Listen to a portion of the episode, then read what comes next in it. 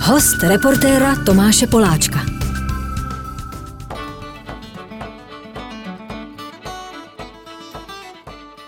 Dobrý den, vážení posluchači.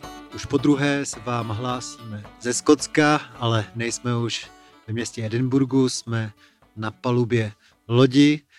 Plujeme mezi uh, skotskými ostrovy. Dneska mám za sebou uh, zvláštní den spolu se svými kamarády, protože jsem v 9 hodin musel povinně pít několik uh, panáků whisky. Pak jsme zažili uh, devítihodinovou plavbu. V tuhle chvíli jsme na malinkým ostrovku, který se jmenuje Gia. Píše se to Giga, když tak.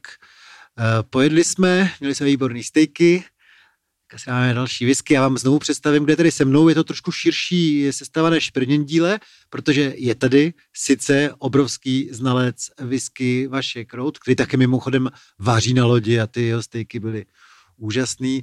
Je tady můj kamarád fotograf Tomáš Binter, je tady můj uh, kolega a takový člověk, který se taky vyzná ve Skotsku hodně, Honza Klouček. Je mi velkou ctí, že dneska představím i kapitána kapitána této lodi, který se jmenuje Honza. A pak tady je ještě jeden člověk, který říká, že nebude mluvit. Tak já jenom kdyby náhodou se ozval ještě jeden hlas, tak je to Mirek a řeknu o něm to, že je nebo Vašku, ty řekni. Já jsem chtěl říct, že je podobně velký znalec uh, whisky jako ty, ale uveď to na pravou míru. On taky chlastá. A, e, kdybyste viděli škošánek kameru, kdybyste viděli uh, kapitána Honzu, to je, má fajfku v koutce úst a má vytetovanou mořskou panu na rameni a tak dále. No, prostě výborný kapitán. Začnu u tebe, Honzo. My si teďka ťukneme uh, skleničkou whisky, ale ty už si nám řekl, že nikdy nemáme ťukat sklem o sklo, když jsme na lodi. Tak já tě poprosím, za prvý teda ťukneme si. A za druhý tebe poprosím, aby si vysvětlil, proč se nehodí, aby jsme si ťukali sklem všechny vás zdravím. Eh, na lodi je strašně moc různých pověr a námořníci ty pověry dodržují, vždycky dodržovali. A jedna z těch pověr je, že by se nemělo ťukat, aby se nebudili tím zvukem eh, mrtví námořníci a aby si toho námořníka nestáhli dolů na dno. Takže je to jedna z mnoha, mnoha pověr, které fungují, někdy nefungují, ale snažíme se, kdo jezdíme na moře, se snažíme dodržovat. No tu, kterou známe všichni, je, že bychom si neměli zapalovat uh, cigáro o svíčku. To mi vysvětlíš nějak? Bavili jsme se o tom dneska. Uh, původně, nebo četl jsem, já mám tyhle všechny pověry hrozně rád, mám o tom pár knížek a jeden z důvodů údajně byl, že námořníci, kteří zrovna nesloužili na moři, tak vyráběli sirky. A když si člověk zapalil od svíčky, tak prostě s tím sebral práci, protože neškrtnul sirkou. Jednoduchý, prostý důvod prostě. Ekonomika, peníze, za všem hledejme. Z tvého pohledu dneska ta devítihodinová plavba eh, byla eh, klidná naprosto? Krásná, dneska to úžasně foukalo, foukalo nám nějakých 10-15 uzlů větru, do toho prout, loď letěla v desetiuzlovou rychlostí, chvilkama to trošku houpalo, někteří z nás tady, fotograf, nebudu ho jmenovat, krmil rybičky, Eh, někteří z nás sice rybičky nekrmili, ale zalehli na začátku plavby a probudili se těsně přes koncem. Taky nebudu jmenovat kolegu s mikrofonem, ale jinak eh, plavba byla úplně fantastická. Bylo krásný počasí, nepršelo, což na Skotsko není úplně obvyklý, tady prší velice často. Na druhou stranu se tady roční nebo počasí se střídá během jednoho dne, zažijete déšť, sluníčko, déšť, sluníčko a dneska bylo celý den sluníčko, takže za mě to byla krásná plavba. No, e, takhle, to bylo zajímavé, protože my jsme se střídali u kormidla, ty jsi tak hodnej, doufám, že to není tajemství, že můž, a ty jsi nás kontroloval celou dobu, uh, takže jsme se střídali u kormidla a já jsem byl první na řadě a dokud jsem, to bylo třeba hodinu a půl, kormidloval já, tak mě bylo výborně. Ale pak jsem si odešel na záchod. To musím říct, že teda bylo nejobtížnější močení mého života. Tomáši, ty jsi mě sledoval trošku, ne? Já jsem tě samozřejmě sledoval v těch svých mrákotách mezi zvracením a e, tuhle hlášku už si uh, řekl předtím, než si se do močení pustil a pak už si to teda po výstupu nějak nekomentoval, takže já vlastně nevím, jestli to dopadlo dobře, anebo v koupelně jsem od té doby nebyl. Je to takový nechutný téma, ale prostě jsem pořád padal do toho, uh, do toho zdejšího záchodu. No jestli to je asi normální. Dokud se člověk soustředí na to kormidlování, tak nemá čas na to myslet na to, že mě blbě. Ale jakmile jsem si dal ty minutku, dvě pauzu tady kvůli čurání, sešel jsem dolů, tak to na mě nějak padlo a začal se se mnou houpat svět trošku. No je to tak, no. Někomu ty vlny vadí, někomu ne, dá se na to zvyknout. Někdo si na to zvykne za hodinku, někdo si na to zvykne za dva, tři dny plavby, někdo si na to nezvykne celý život, ale pokud člověk to moře miluje, tak jezdí i přes tu mořskou nemoc. No. Hmm. Ale tohle nebyla mořská nemoc, to byla malá kinetoza. Mořská nemoc je člověk, že chce umřít a pak lituje, že neumřel. To je mořská nemoc. Jako dneska to bylo trošku, že ti bylo špatně. Já jsem se tady dozvěděl strašně moc zajímavých věcí, kterým jednou zachrání život. Třeba už teďka vím, že kdybych spadl přes palubu, tak vlastně nemám nikam plavat, protože bych neměl šanci a spíš se musím krejt vlastně ten trup a ty důležité orgány před tím prochlazením rychlým. No je to tak. Já se teda ještě vrátím k tomu tématu záchodu. My jsme ho nekontrolovali, ten záchod zatím, ale on je naštěstí celý uh, omyvatelný, takže v případě ho vemem vapkou, kde by to jako nedopadlo úplně dobře. Eh, ale k tomuhle vážnému tématu, o kterým si mluvil, ano, ve Skotsku je, má voda 12-13 stupňů a v podstatě mm, přežití je v řádu několika ti minut, maximálně třeba 10, 15, 20 minut potom člověku ochabnou, ochabnou svaly v důsledku podchlazení a ta jeho záchrana se radikálním způsobem jako snižuje. To znamená, je opravdu primárně nepadat přes palubu a držet se neustále na té lodi. Hele, některé věci se možná tak tradují a měly by se vyzkoušet, protože my jsme před hodinkou, tady je to matoucí, protože teď máme možná 10 hodin po desátý a je světlo venku pořád. Ale nějak v půl devátý jsme si vyšli tady s pár klukama na břeh. A tady na tomhle ostrově, který se teda jmenuje Gia, jsou překrásný malý pláže s úplně bílým pískem. Tak nám to nedalo, vyzkoušeli jsme to a ta voda má 16 stupňů. Tady uh, Honza to měřil.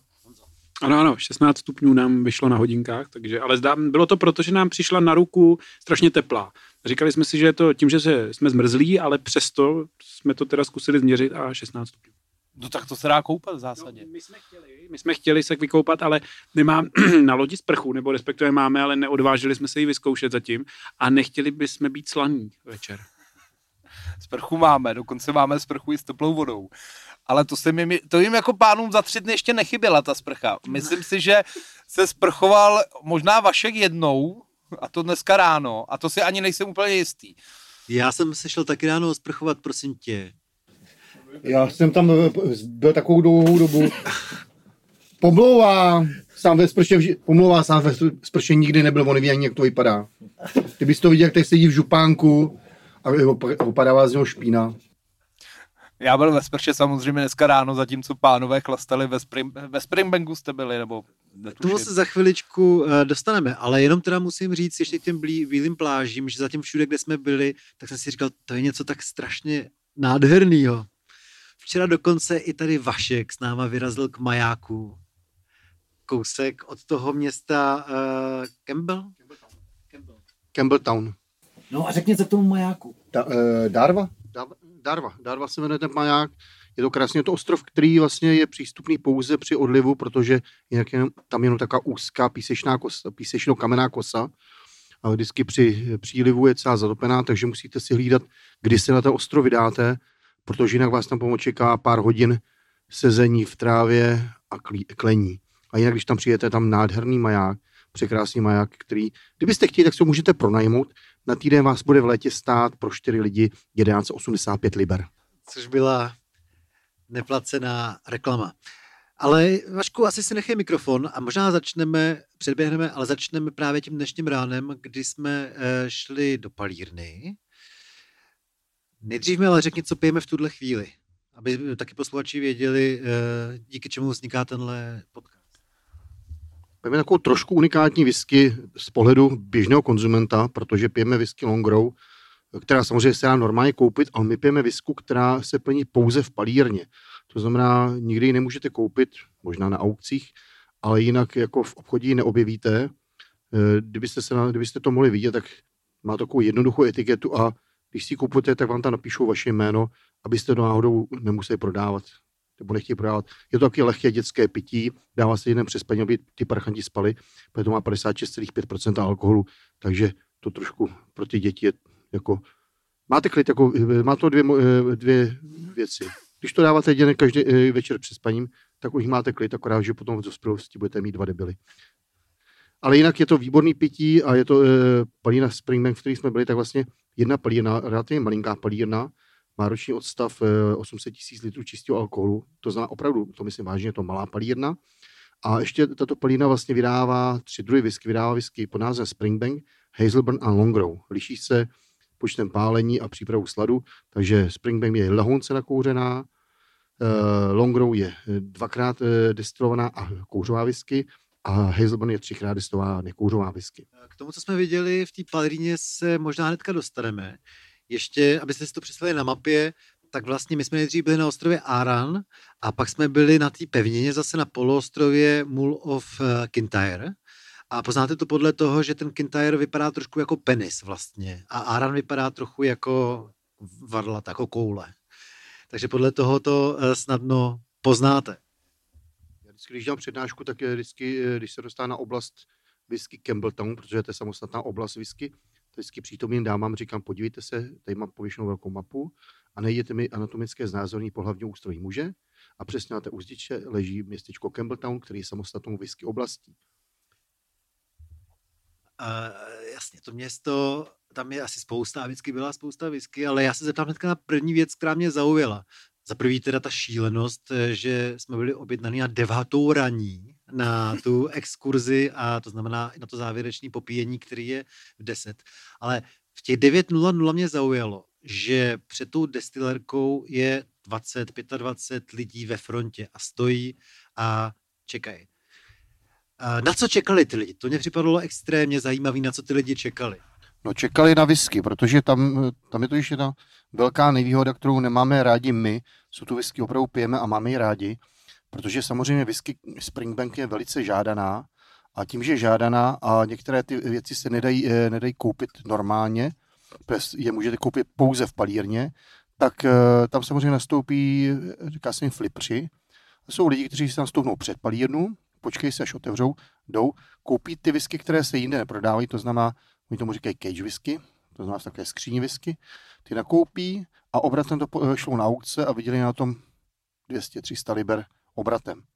Takže palina z toho má minimum a eh, těto lidé na tom vydělávají, což samozřejmě nás, milovníky whisky, strašně, jak to říct slušně, eh, kálí. Eh, Takže je nemáme rádi. Takže ty lidi tam stojí a kdybyste tam stáli s náma, tak byste viděli, když jsme tam takhle procházeli, vždycky otevřel se obchod a v tu nám ta fronta neubývala, protože lidi furt chodili další a další, takže jsme to mohli vidět, vidět jak se to mění, ale pořád fronta nějakých 20 a koukám, kolega vedle mě si splete dírku při pití. To je ta mořská nemoc. Ano, to je jako eh, spláchnu prostě tu mořskou nemoc. Jinak ještě tady se vrátím k tomu Kintyru. Eh, My starší si pamatujeme, existuje skladba Mull of Kintyre, eh, kterou zpíval Paul McCartney, protože on tady na tomto polostrově měl chatu a když se rozpadlo Beatles, tak napsal tuto skladbu, která jeden čas byla velice populární, of Kintyre. A je to, jestli se nepletu, dokonce jedna z prvních, neli první skladba, kde součástí jsou skotské dudy, respektive skotský dudácký band této skladby. A ten mimochodem, který to eh, nahrál, je lokální band z Campbelltownu. Hmm. Nebo byl lokální band z Campbelltownu. My jsme vlastně dneska za těch 9 hodin jenom eh, obepluli tady ten eh, penis, jenom špičku toho penisu jsme objeli a jsme teďka z jeho druhé strany. Vidíme na něj. Ty jsi chtěl Honzo něco říct? Jenom, aby to nevypadalo, že pánové jsou alkoholici, že by museli začít pít už v těch 9 ráno. Oni teda samozřejmě trošku alkoholici jsou a v 9 ráno pijí normálně, nicméně dneska se přiznám, že jsem je k tomu donutil já, protože Mull of Kintyre, zejména na jihu, nebo hlavně na jihu, je oblast, kde jsou velký přílivový proudy. Voda tam teče někdy rychlostí 3, 4, 5 uzlů a člověk si musí vybrat přesný čas, kterým může tu danou oblast přijet. A my jsme museli z toho Campbelltownu vyplouvat eh, ve 12 hodin, nemohli jsme později, jinak už bychom to neprojeli. Takže pánům nezbylo nic jiného, než eh, momentálně legálně začít chlastat ještě těch 9. Normálně zatím popíjejí v 9 tajně ve spacácích, ale eh, dneska to měli v zásadě přikázáno. Když tě mám u mikrofonu, tak několik věcí ještě dá se vidět ze břehu i z lodi se dá vidět spousta zvířat. Vy jste viděli tuleně včera, že jo? Zase já jediný jsem měl smůlu, že jsem ho neviděl. Už jsou tady papuchalkové první. Zvířena je tady velmi jako hojná ve Skotsku. Eh, Je tady neskutečně mnoho ptáků, lidi tady jezdějí, kteří mají rádi pozorovat ptáky, jdou tady vidět terejové, papucha, papuchalkové, alky, racek je úplně běžný. Ta hlavní sezóna začíná trošičku později, spíš tak eh, červen, trvá přes celý léto a pak ptáci se zase stěhují zpátky na oceán. Z té ostatní zvěře, nebo respektive ne ryb, ale uh, to je kytovec, savců, je, jsou tady delfíni, ti delfíni jsou menší než jsou středomořští, měří asi metr, nicméně je to krásný zvíře, skáčou kolem lodi. Čas od času jdou vidět verliby, zejména uh, plejtvák modrý, mingwhale, Někdy je tady basket shark, ty jsou jenom na některých místech, což je Malý relativně... žraloci. No, malí jsou tady taky, malí jsou tady jako, jako metr, tři čtvrtě metru, ale basket shark je relativně vzácný plemeno žraloka, který je charakteristický takovou jako obrovskou hubou, kterou prosívá plankton. Je to naprosto neškodný žralok, nicméně dorůstá, dorůstá nějakých 4-5 metrů. Jsou tady místa, kde chodí pravidelně se, se vytřívat, nebo třít, jak by se to řeklo správně. Jdou vidět lachtani, eventuálně tuleni, nikdy jsem nepochopil rozdíl mezi tímto zvířetem. No ano, slovensky je to uškatec a bezuškatec. Jeden má uši a druhý uši nemá, ale nevím, který je který. Takže zvířen je tady spousta. Je tady spousta ryb. Kdo umí lovit ryby, tak si tady taky užije. Já to osobně moc neumím, byť se mi to povedlo včera vylovit jednu rybu, ale chytla se na ten háček za vocas, takže to nepovažuji za úplně velký úspěch. Tak hlavně všude jsou ovce. A pak A ovce krávy. A krávy. A zrovna tady na tom malém ostrovku, který má necelých 10 kilometrů na dílku a 1 kilometr na šířku, myslím, jsou vyhlášený uh, krávy, které dělají skvělý mlíko a z toho se dělá vyhlášený sír tady. Ale když si do toho mikrofonu, tak tady jsou tuleni. Tuleni. Vašek už to vygoogloval mezi tím. Eh, Jsou tady tuleni. Tak eh, a pak se vrátíme zpátky do Springbanku, do té palírny. Tak když jsi u mikrofonu Honzo, ty kapitáne, tak pojď nám trošku říci, jak ses ty vyskytl se svojí lodí zrovna ve Skotsku. My jsme zvyklí spíš na to, že lidi to mají někde v teplejších oblastech. Takže co děláš tady ve Skotsku docela často, hodně často? Já jsem tady byl poprvé v roce 2016, když jsem si tady šel dělat uh, jeden z kurzů. Strašně se mi tady zalíbilo. Zamiloval jsem se do té země a rozhodl jsem se, že tady chci jako jezdit častěji. Pak jsem tady začal jezdit jako pravidelně, lodě jsem si půjčoval. Udělal jsem si tady jako pokročilejší jachterský kurzy, Jodmaster a instruktorský kurz. No a v roce 2018 se vyskytla příležitost koupit loď, na které se dneska plavíme. Je to Elan 431 Stormwind, bouřkový vítr. Eh, Loď z roku 1998, nicméně velmi pevná, zachovalá, eh, je schopná proplout opravdu jako velký, i velmi špatný počasí, spolehlivá, je to moje obrovská láska a Skotsko se stalo druhým domovem. Snažím se tady jezdit v podstatě, co to jde. Bůh, prý si dáme na kokos, ale hlava ne, ta prý až jindy. Tak jo, a my se vrátíme zpátky do dnešního rána a do toho uh, Springbanku. A já možná na chvilku dám svůj mikrofon Honzovi vedle sebe. Tak to proberte s Vaškem spolu, protože mě to celý připadalo nádherný, jako bych se vrátil někam o sto let zpátky. Eh, Byla to taková jako až skoro skanzen, ale všechno, všechno funkční. Eh, tak eh, to spolu probírejte klidně 3-4 minuty vy dva, čím to z vašeho pohledu bylo unikátní. Přesně tak, Peaky Blinders takový. Tak já předám na chvilku rozhovor tady Honzíkovi. Já jenom vyslovím, proč to předávám, on se chce napít. Já jsem taky si myslel, že se bude muset vzdálit spod palubí někam nahoru na palubu. tak eh, Václave, já jsem pár destilérek eh, navštívil, ale tohle pro mě bylo skutečně unikátní. První věc, že v té destilerce je vidět opravdu téměř, kromě bednárny, jestli to říkám dobře, celý proces eh, výroby whisky. A pak to je vlastně skanzen.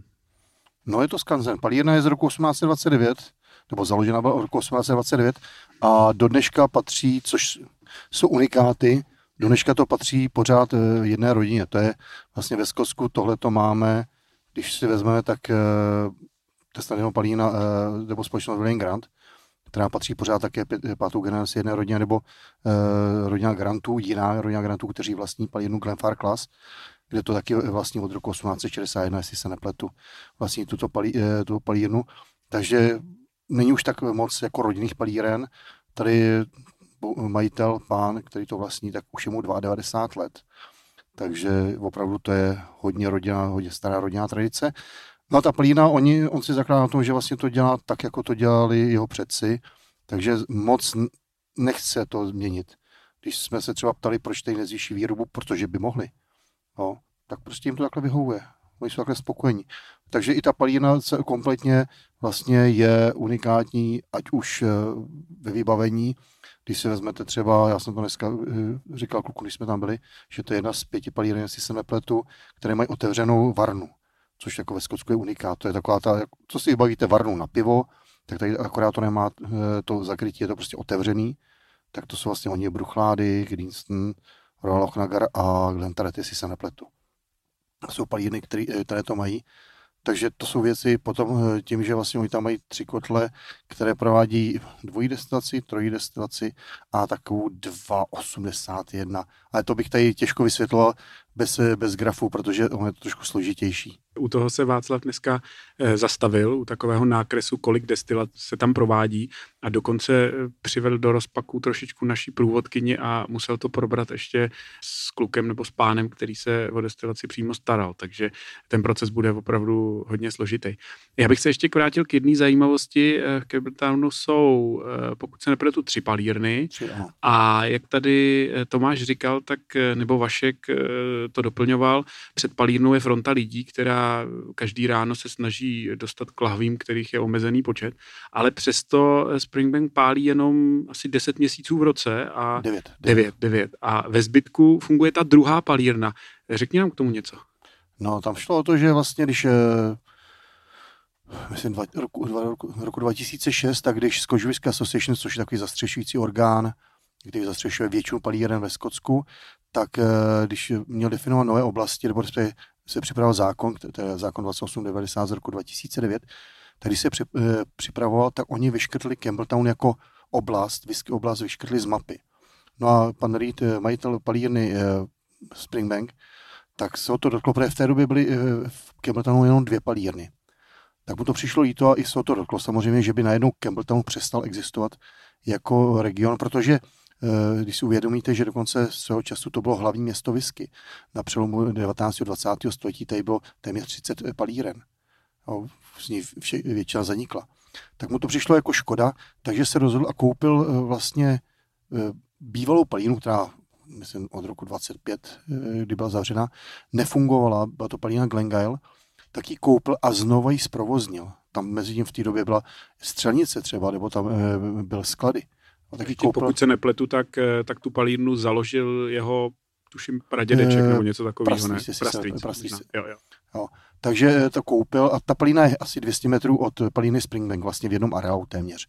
On si musíte uvědomit, já jsem včera dělal s Mirkem právě jsme procházeli Springbank a uh, kopíroval jsem, protože mám uchylku na historii, takže jsem obcházel všechny zrušené, nebo které jsou doložené, kde se kde byly, palírny v eh, Campbelltownu, takže jsem natočil takový krátký do, dokument z, zrušené palírny.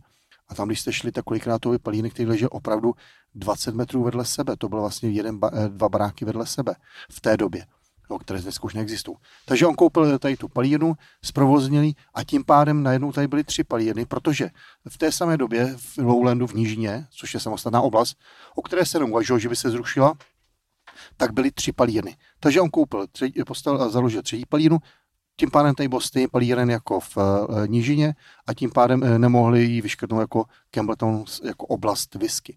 No ale protože samozřejmě uh, nepotřeboval nějak zase navyšovat, jak se říká, jeho přístup je dělá to po staru a nepotřebuje honit peníze. Takže vlastně tu palírnu, eh, je to, funguje to tak, že 9 měsíců funguje palína Springbank a potom zaměstnanci z palíny Springbank se přesunou do palíny Glengale a tři měsíce, eh, eh, tři měsíce vlastně stojí palína Springbank a oni tři měsíce pracují v palírně Glengale.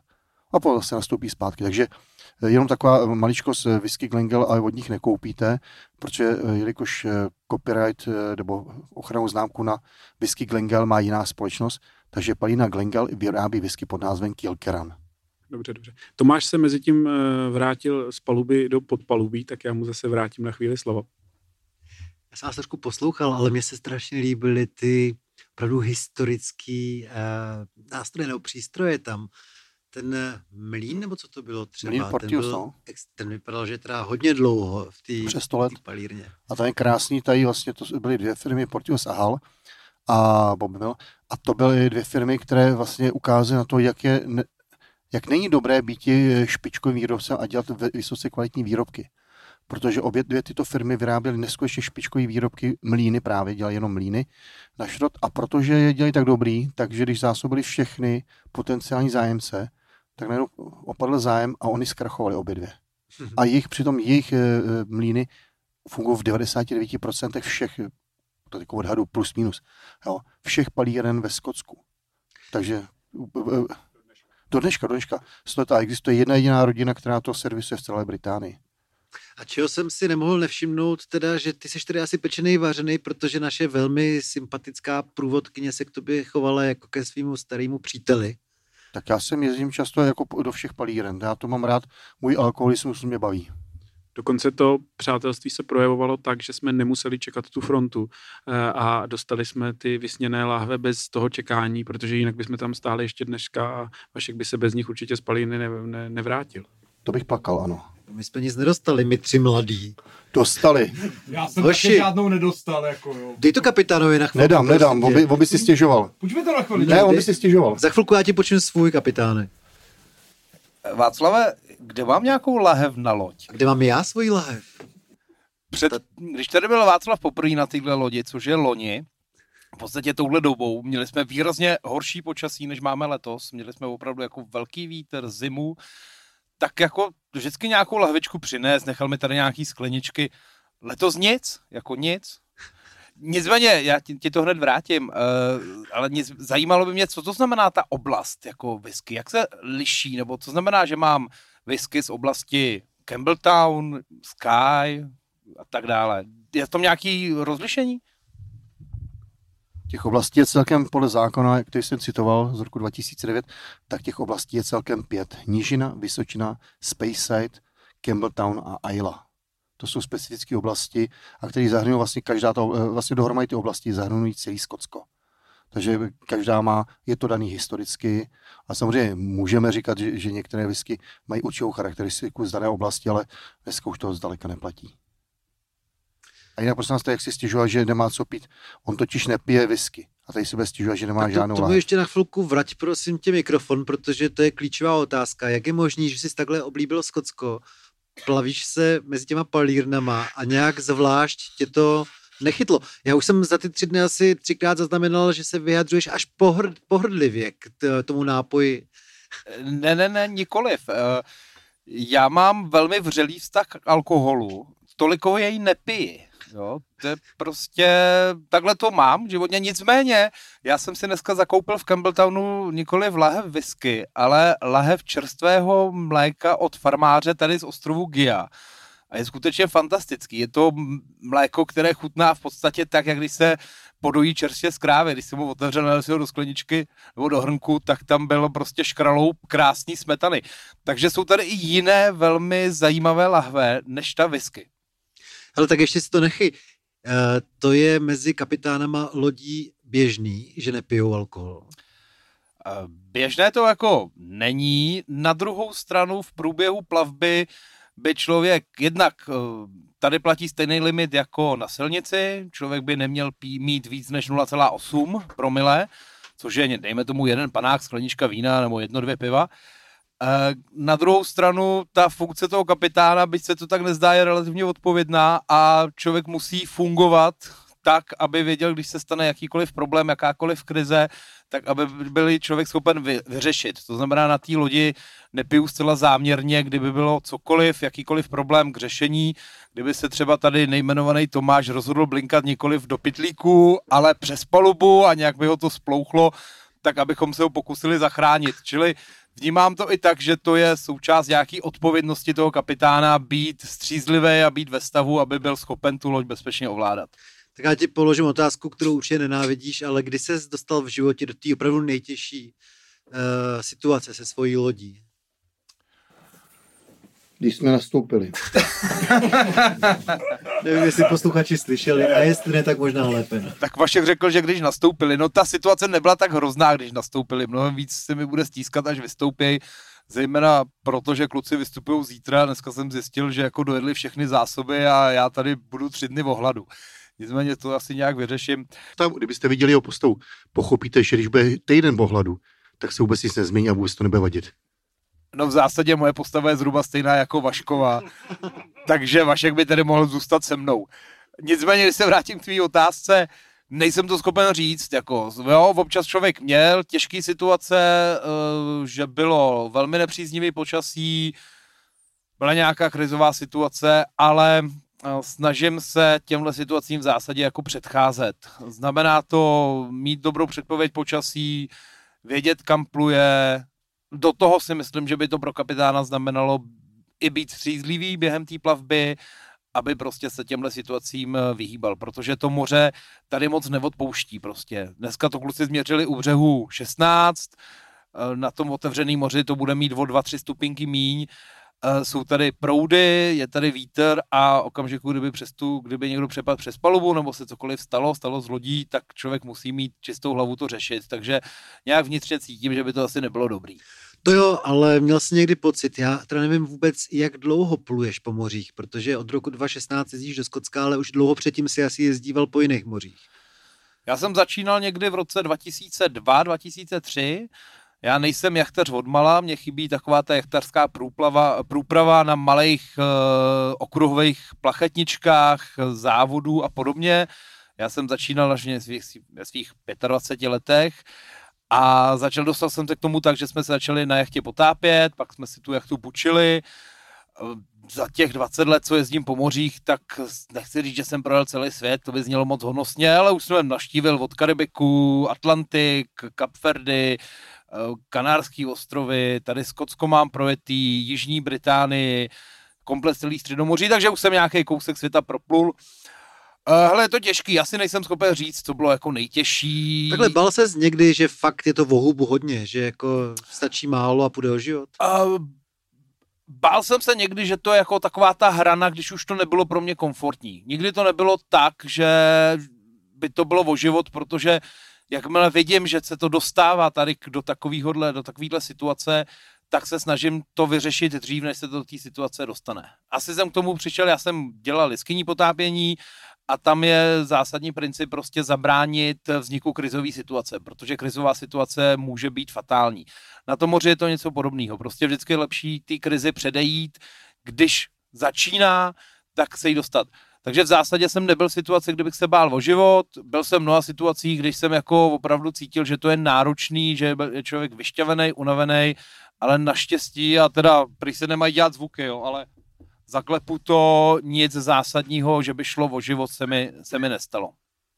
Já za ty tři dny mám pocit, že zvlášť pro uh, lidi větší postavy největší nebezpečí kouká od, z toho ráhna od plachty, který se hýbe ze strany na stranu a může někoho snadně trefit, trefit do hlavy.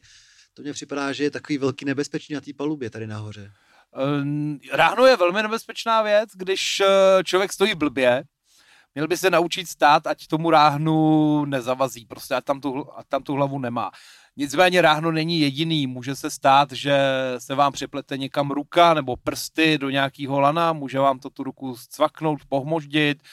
Zažil jsem na lodi, že jsme měli i relativně třeba vážný úraz, když se opravdu jako něco, uh, něco stalo právě, když přilítlo ráhno z jedné strany na, na druhou, jeli jsme šit hlavu.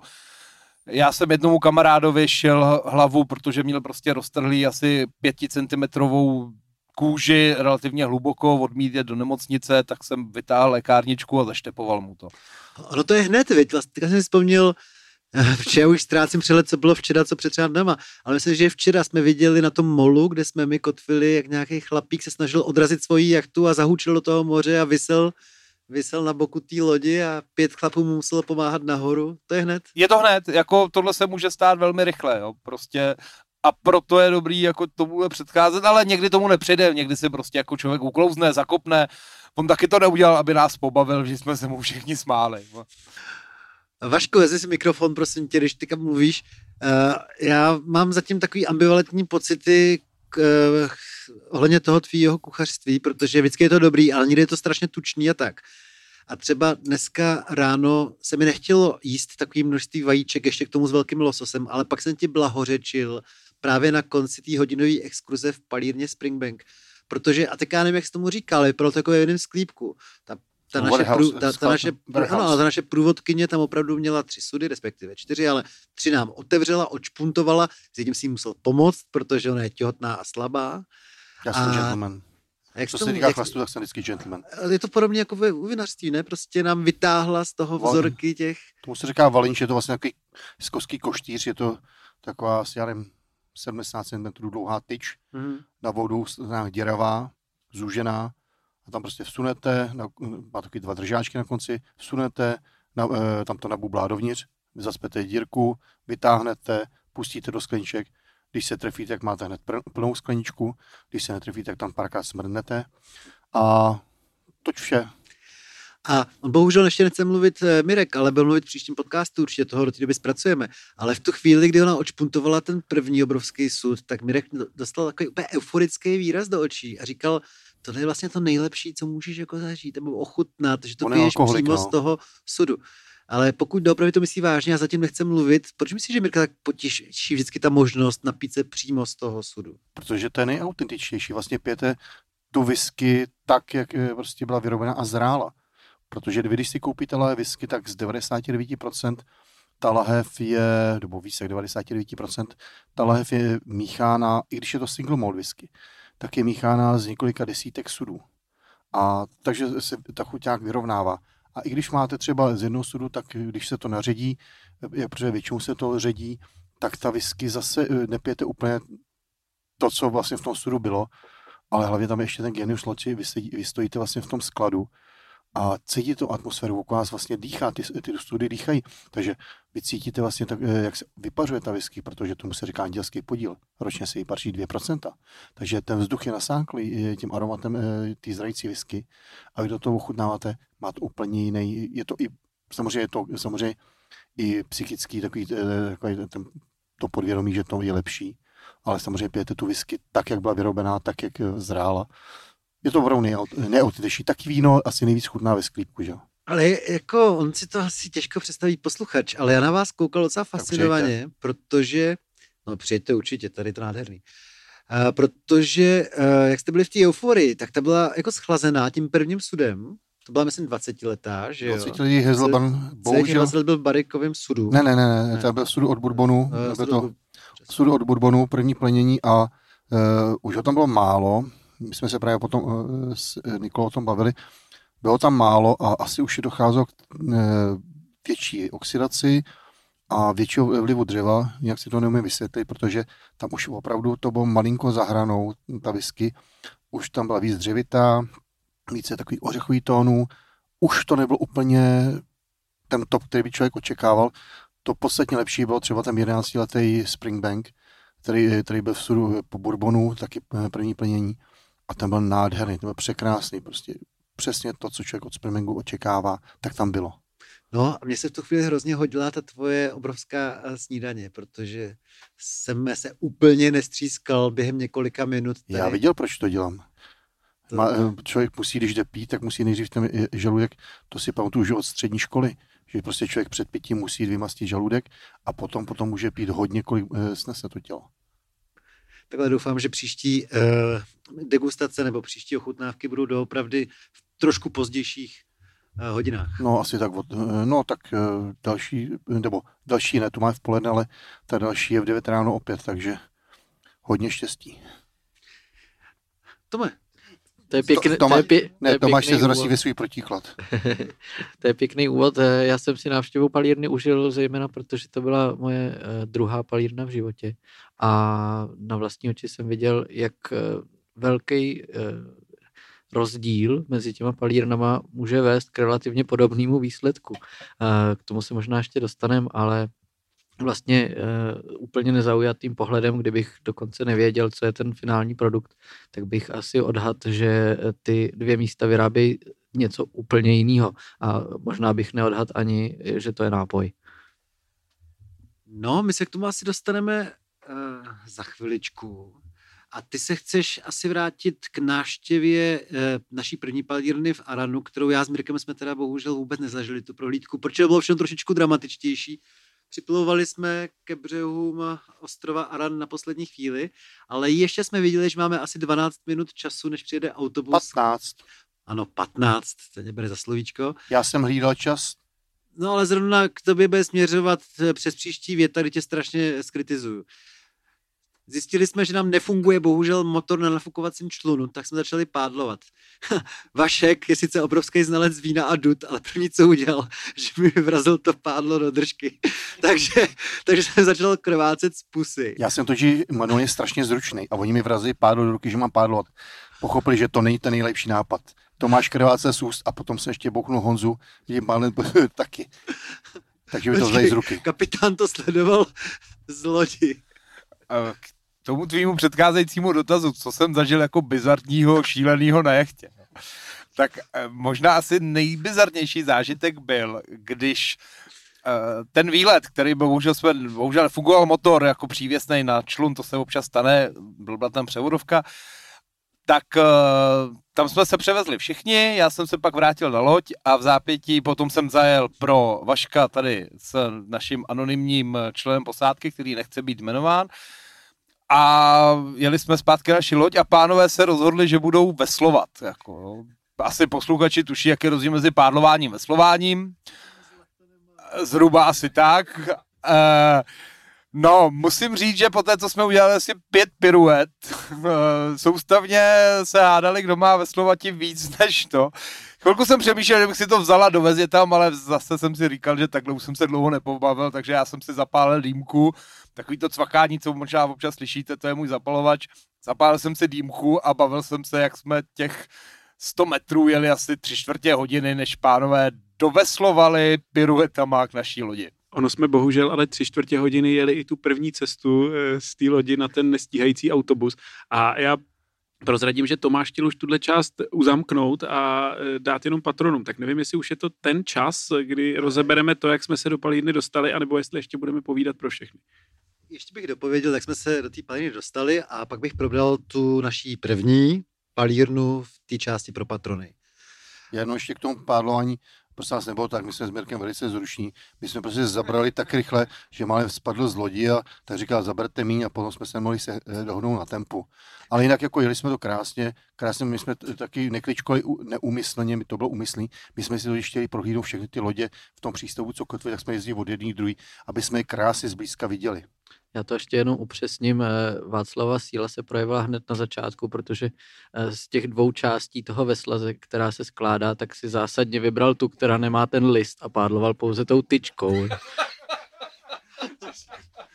Když, když objevil ten list eh, a strčil ho do vody, tak eh, si namočil asi tři čtvrtě z celého zadku a odevzdal pádlo Tomášovi, který měl pádlovat a ani to se nezadařilo. Takže jedna strana eh, pádlovala a druhá strana se nejprve dohadovala, kdo bude pádlovat a ani když se dohodla, tak to příliš nepomohlo. A v tomhle moment jsme viděli ten odjíždějící autobus.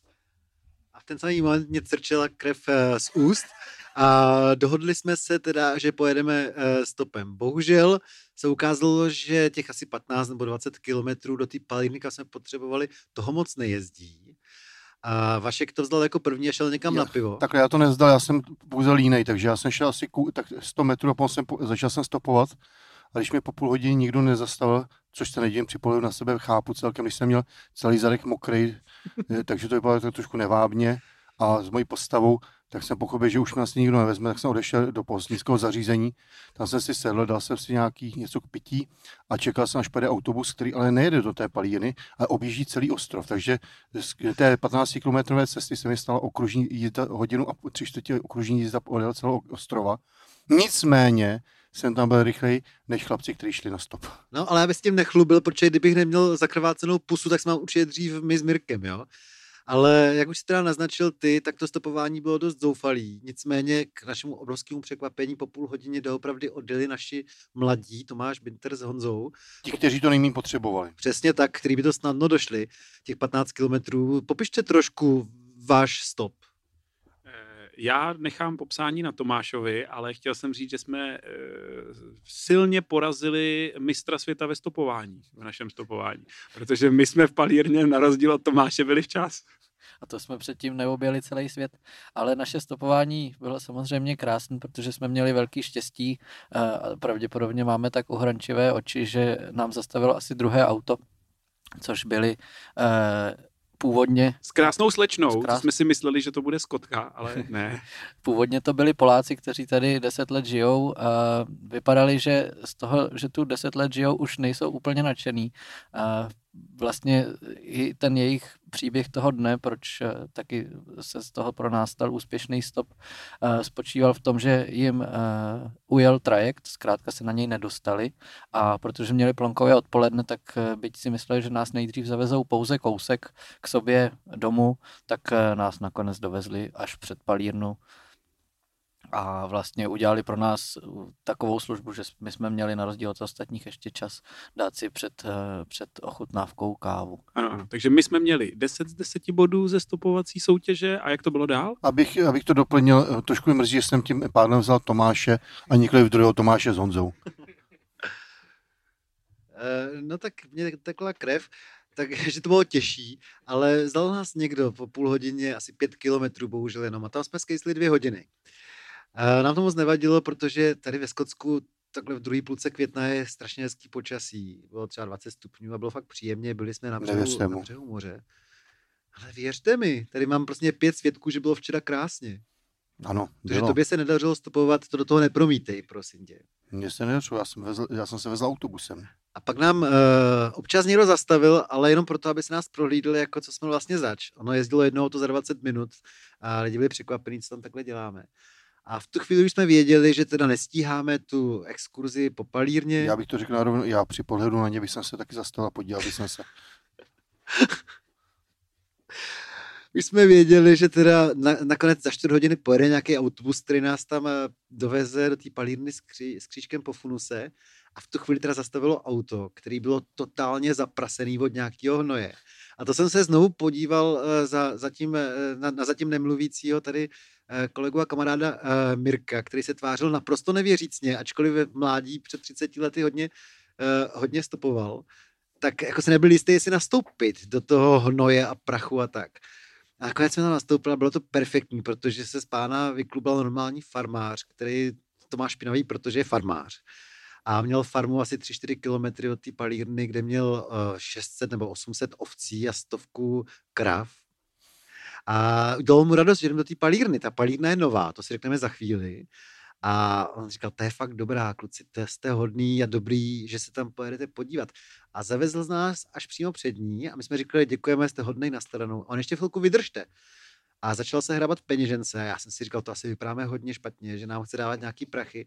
Ale on se tak dlouho hrabal v těch bankovkách, až vytáhl zlatou kartu. Tak jsem říkal, proč mi podává zlatou kartu?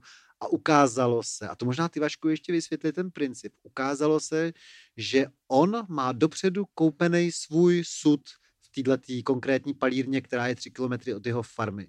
Co to vlastně má znamenat? Proč si někdo kupuje takhle sud a nosí v peněžence zlatou kartu? To je jako, že je souseda fanoušek, nebo proč? Tak řeknu jednoduše, nevím, proč nosí zlatou kartu, ale faktem je to, že začínající palírny, aby získali cashflow, aby získali peníze, tak nabízejí, když začnou vyrábět, tak nabízejí různý, jmenuje se Founders Club, Founders eh, Members a podobně, no Founding Members a podobně, a nabízejí lidem eh, třeba nevím, 100, 200 míst, dvě místům, to záleží, jak která palírna, že si můžou koupit eh, sud a tím vlastně podpoří tu palírnu. To znamená, že oni, až vypálí whisky, tak jim naplní sud, ten bude jakoby jejich, který se samozřejmě musí zaplatit, a třeba po třech letech, nebo jak se rozhodnou, každý to má nastavený jinak, takže ten sud eh, je prostě jejich a se ho na lahavu a mají vlastně lahev. Takže taky jako prestižní, že jako já mám whisky z této palíny, já jsem je podpořil a to. Takže tak, eh, to má většina těch, hlavně to mají ty začínající palíny. Ale jsou i výjimky, o kterých možná budeš za chviličku mluvit. Za chviličku budeme mluvit, ale už té uh, uzavřené části. Já za sebe řeknu, že sice jsem nebyl na prohlídce, protože ta v tu chvíli právě končila, Takže my už jsme si zašli jenom do baru na panáka s Mirkem. Eh, Jaký to bylo, spíš budete povídat eh, vy v té poslední části, ale eh, chci říct jenom, že ta palírna je určitě strašně hezká architektonicky, úplně moderní, překrásná a já nevím, na ostrohu nad mořem 300-400 metrů s překrásnýma výhledama. Okolo zasadili jabloňový sady, aby zatím dělali aspoň nějaký cider, dokud nebude hodně whisky. A byl jsem rád, že jsme tam jeli už jenom kvůli tomu, jak je to na krásném místě. Je to skutečně na krásném místě a, a vlastně ta palírna je architektonicky a, jako hypermoderní budova, včetně svých skladovacích prostor, vlastně tu krajinu nějak neruší, doplňuje, ale je to zároveň jako kus moderní architektury, což se tady úplně nevidí. A já, protože to byla moje první palírna, tak jsem si myslel, že takhle to vesměs vypadá všude. A nemohl jsem se mílit víc. Teďka si řekněte každý, eh, co chcete, ale o tom, jak to vypadalo v té palírně, eh, o tom budeme mluvit až v té uzavření části. Takže teďka máte volný prostor eh, pro to, abyste doplnili nějaké věci, které jsme zapomněli zmínit o posledních pár dnech. A jinak se pak přesuneme v poslední části do téhle palírny, která se jmenovala Lek. Lak. Mhm. Já bych možná ještě doplnil k tomu, proč jsem si zamiloval to Skotsko. Tady jsou neskutečně báječní lidé. Tady jsou přátelští, úžasní, pomůžou, neustále se usmívají, chtějí si povídat. E, Není to Anglie, Anglie je trošku jiná, tam jsou ti angličané skutečně jako maličko odtažití, ale tady v tom Skotsku lidé jsou naprosto báječní a dotvrzuje to, to co říkali kluci, že je veme, veme někdo na stopa, zaveze je dalších 5-10 kilometrů, aniž by prostě musel. A Jak te, koho? jak koho teda, Václave, tebe by zavezl na druhou stranu, ale Nemají zás, úctu ke stáří. v zásadě to tady funguje, funguje to tady i na tom moři, je to jeden z důvodů, proč jsem si to zamiloval, lidi si pomáhají na moři, a je to jeden z těch, je to neskutečná vlastnost tady těch skotů a setkal jsem se s ní všude. V zásadě jsem se za těch 6-7 let, co tady jezdím, nesetkal s nepříjemným místním skotem, vždycky jsou povídaví, jsou zvědaví, co tady děláme z České republiky, proč má někdo z České republiky lodi ve Skotsku a tohle je jeden z důvodů. To jsem mě připomněl teďka z procházce před dvěma hodinama. Ono to už bývá občas někde v Čechách na venkově, ale eh, tady v té vesničce, co je u tohohle mola, jsou jeden nebo dva takový ty automaty, kde je občerstvení a jenom tam hodíš nějakou minci nebo bankovku a nikdo to nekontroluje vlastně. To je takový hrozně sympatický. To je tady hned ráno, můžeme si tam ještě uh, skočit pro něco malého k jídlu nebo k pití. Musím říct, že s Ho- eh, musím s Honzou souhlasit, eh, že Skoti jsou strašně příjemní, milí, hodní. Jediný určitě bych nedoporučoval si sem je- jezdit hledat nevěstu. To už jsme ale rozebrali v prvním díle. Mně to teda nedá, tady se krása žen posuzuje podle úplně jiných kritérií a v podstatě ten zásadní kritérium je stoupavost a průchodnost terénem. Všechno ostatní, všechno ostatní je nedůležité, protože uh, tady ten kraj je drsnej, možná i od toho vyplývá, že ti lidi jsou příjemní, vždycky se tady žilo špatně relativně, nebo náročně, ne špatně, náročně, protože není tady průmysl ve Skotsku, zejména na tom západním uh, uh, pobřeží, na všechny ty ostrovy žijou jenom z turismu, té práce je tady relativně málo, žijou z whisky, ale to je v podstatě součástí toho turistického ruchu.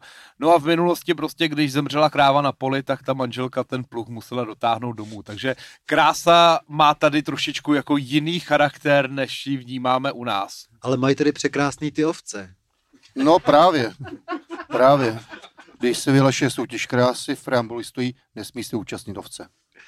Eh, Tak to je ještě taková, to se úplně netýká whisky, ale včera jsem se šel zaběhat po pobřeží, to ani nevím, kde bylo, to bylo na tom Kairanu, že jo. A ty Kintairu, cesty tady, Kintairu. eh, Kintairu, a ty cesty tady jsou strašně úzký a z obou stran jsou lemovaný ohradníkama. A po těch cestách chodí eh, ty ovce s jehňátkama. A jak jsem běžel, tak ty ovce jsou úplně blbý, takže oni běželi přede mnou. A třeba několik kilometrů pelášili přede mnou. Já jsem nedivím, když se na to podívám, aby jsem přebyl taky utykal. Ale jo, ale proč nějak, proč se neprotáhnou mezi těma šprušlima do těch svých pastvin? Ale oni běželi přede mnou, a já jsem si říkal, co když netrefí na zpátek třeba, jo. Takhle jsem hnal stáda oveček před sebou. Chudáci ovce, ty mají do dneška trauma. Říkal jsem, že jste tak krásný. Ty jsi Právě. chtěl něco říct, Vašku, ještě myslím. Ne, já jenom na, naznačím takový ten klasický vtip, proč skoti nosí kilty. To jsou skotský sukně. Protože ovce slyší rozepínání zipů kalhot na 20 metrů daleko. Ale jinak eh, samozřejmě Skotsko, eh, Skotsko si zamilujete a Skoty máme všichni tady uh, moc rádi. O tom, eh, jak to vypadalo v této moderní palírně, si povíme v poslední pasáži pro naše patrony. Všem ostatním moc krát děkujeme za poslech a mějte se hezky. Prý to tak má být a pokud to má háček, tak ti ho z úst vytáhne Tomáš Poláček. Tomáš. Tomáš.